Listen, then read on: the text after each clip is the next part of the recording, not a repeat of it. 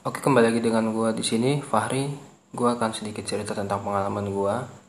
Karena gue rasa ini perlu untuk dibagi. Ya selain daripada kita tanya jawab seputar pengalaman horor dengan bintang tamu bintang tamu yang sebelumnya udah pernah kita undang. Jadi gue punya memang beberapa pengalaman. Ini sebenarnya mimpi, tapi lebih kepada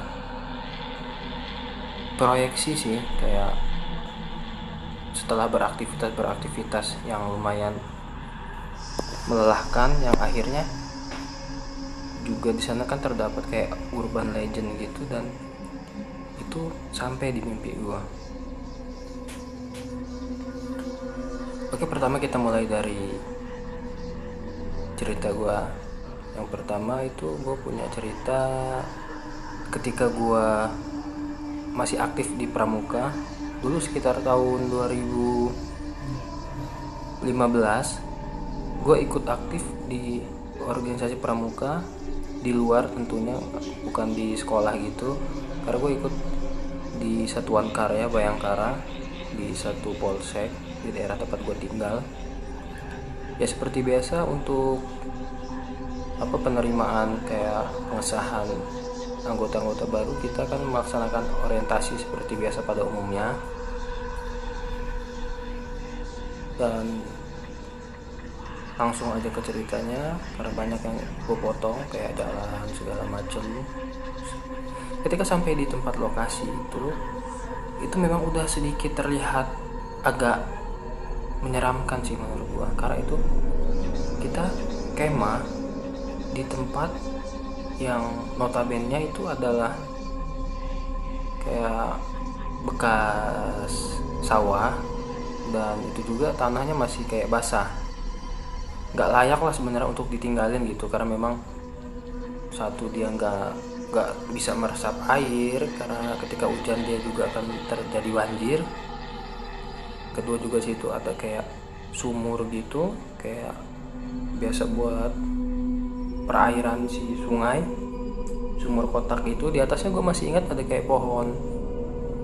Pohon kayak pohon-pohon melengkung gitu. Cuman rantingnya batang bukan ranting.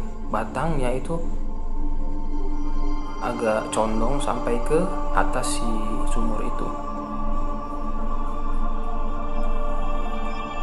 Oke ketika sudah beranjak kita semua prepare kita semua apa selesai mendirikan tenda sampai pada malam hari di situ kita adakan kayak penghitungan jumlah junior. Kebetulan kan gue di situ juga sebagai senior. Dibantu dengan apa senior senior gue yang lainnya juga ada di situ. Kita bariskan di situ. Ketika gue lagi ngidupin obor untuk apa penerangan di sekitar tempat kita kemah itu senior satu tingkat di atas gue dengan gemetaran dengan muka yang pucat dihampirin gue dan dia berkata Ri tolong ke sini oke kata gue kenapa? Ada apa? Dia sedikit gemetaran tuh dan dia bicara ke gue gue minta tolong banget nih sama lo. Kenapa kak? kata gue kata gue kan. Coba lu hitung anak-anak ada berapa? Bukannya tadi kita udah tahu kalau jumlah anak-anak ini ada 34 orang. Enggak ini lebih kata dia. Hah? Kata gue kok bisa lebih? Gue nggak tahu ri. Gue takut coba lu hitung. Oke karena situ gue nggak nggak nggak percaya yang kayak gituan. Masih belum percaya karena kejadian si Dadan itu tahun 2017 kan? Oke lah jadi gue pakai center gue centerin muka-muka junior satu satu sembari gue hitung. Nah, dan anehnya itu memang 34 gak ada lebihnya. Jadi siapa sebenarnya yang dilihat sama senior gue ini gitu kan?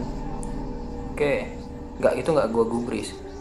Nah dan keesokan harinya karena kan itu kita kemah Jumat Sabtu Minggu keesokan harinya setelah kejadian semalam itu kita istirahat pagi itu apa gua sedikit apa bincang-bincang dengan senior-senior lainnya kita mau ngebahas agenda selanjutnya.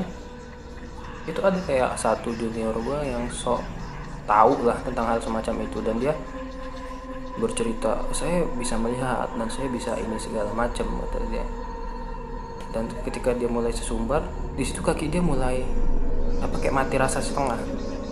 Dan gue rasa ini ada apa? Gitu kan. Gue nggak gue nggak nggak paham dengan hal semacam itu. Oke lah akhirnya gue dengan niat yang baik dengan kepercayaan diri gue gue cuman baca-baca ya pujian-pujian tertentu di agama gue dan gue lulus ya alhamdulillah dia akhirnya sembuh.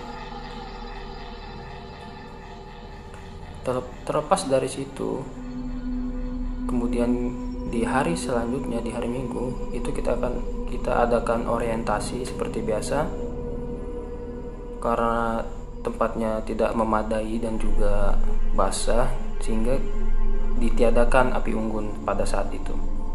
Kita ganti langsung orientasi malam hari sekitar jam 9an itu kita buat ada tiga pos berikut tiga pos juga tiga pos bayangan. Jadi semuanya ada enam dan gue kebagian di pos terakhir di pos 3 dan itu dekat dengan kuburan.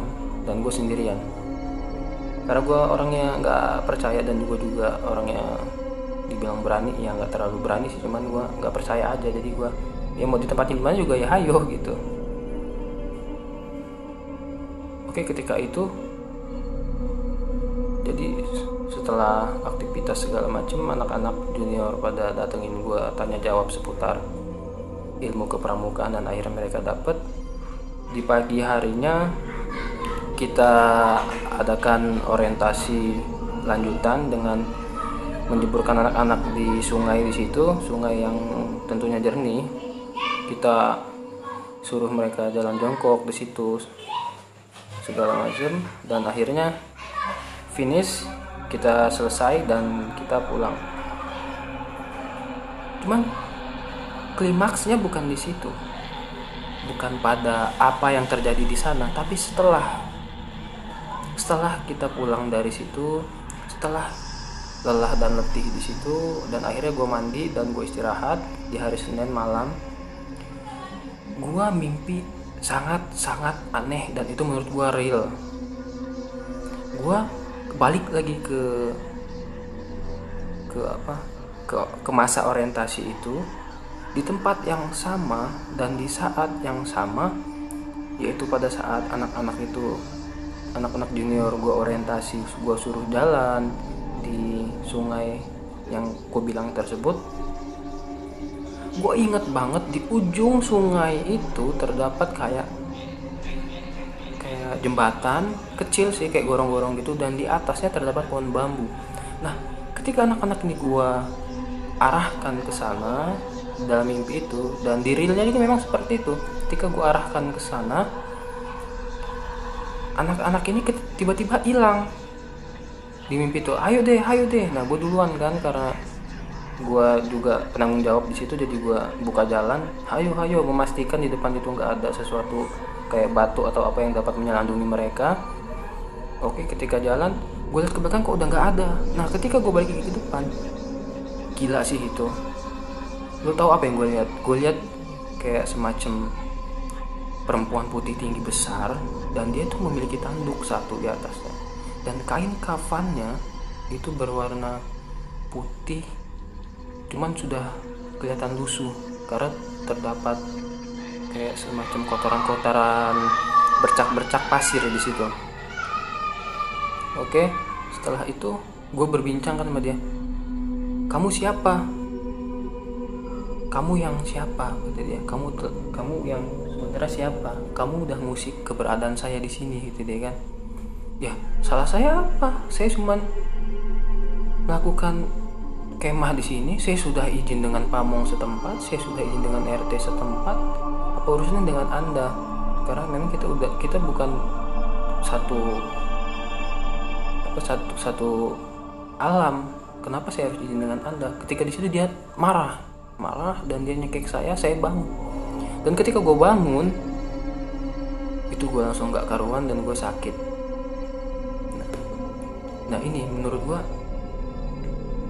pengalaman-pengalaman seperti ini nih banyak terjadi di gue dan mungkin juga terjadi di kalian para pendengar. Dan semoga ini bisa sedikit jadi hal yang menarik untuk dibahas. Dan ke depan kalau memang ini menarik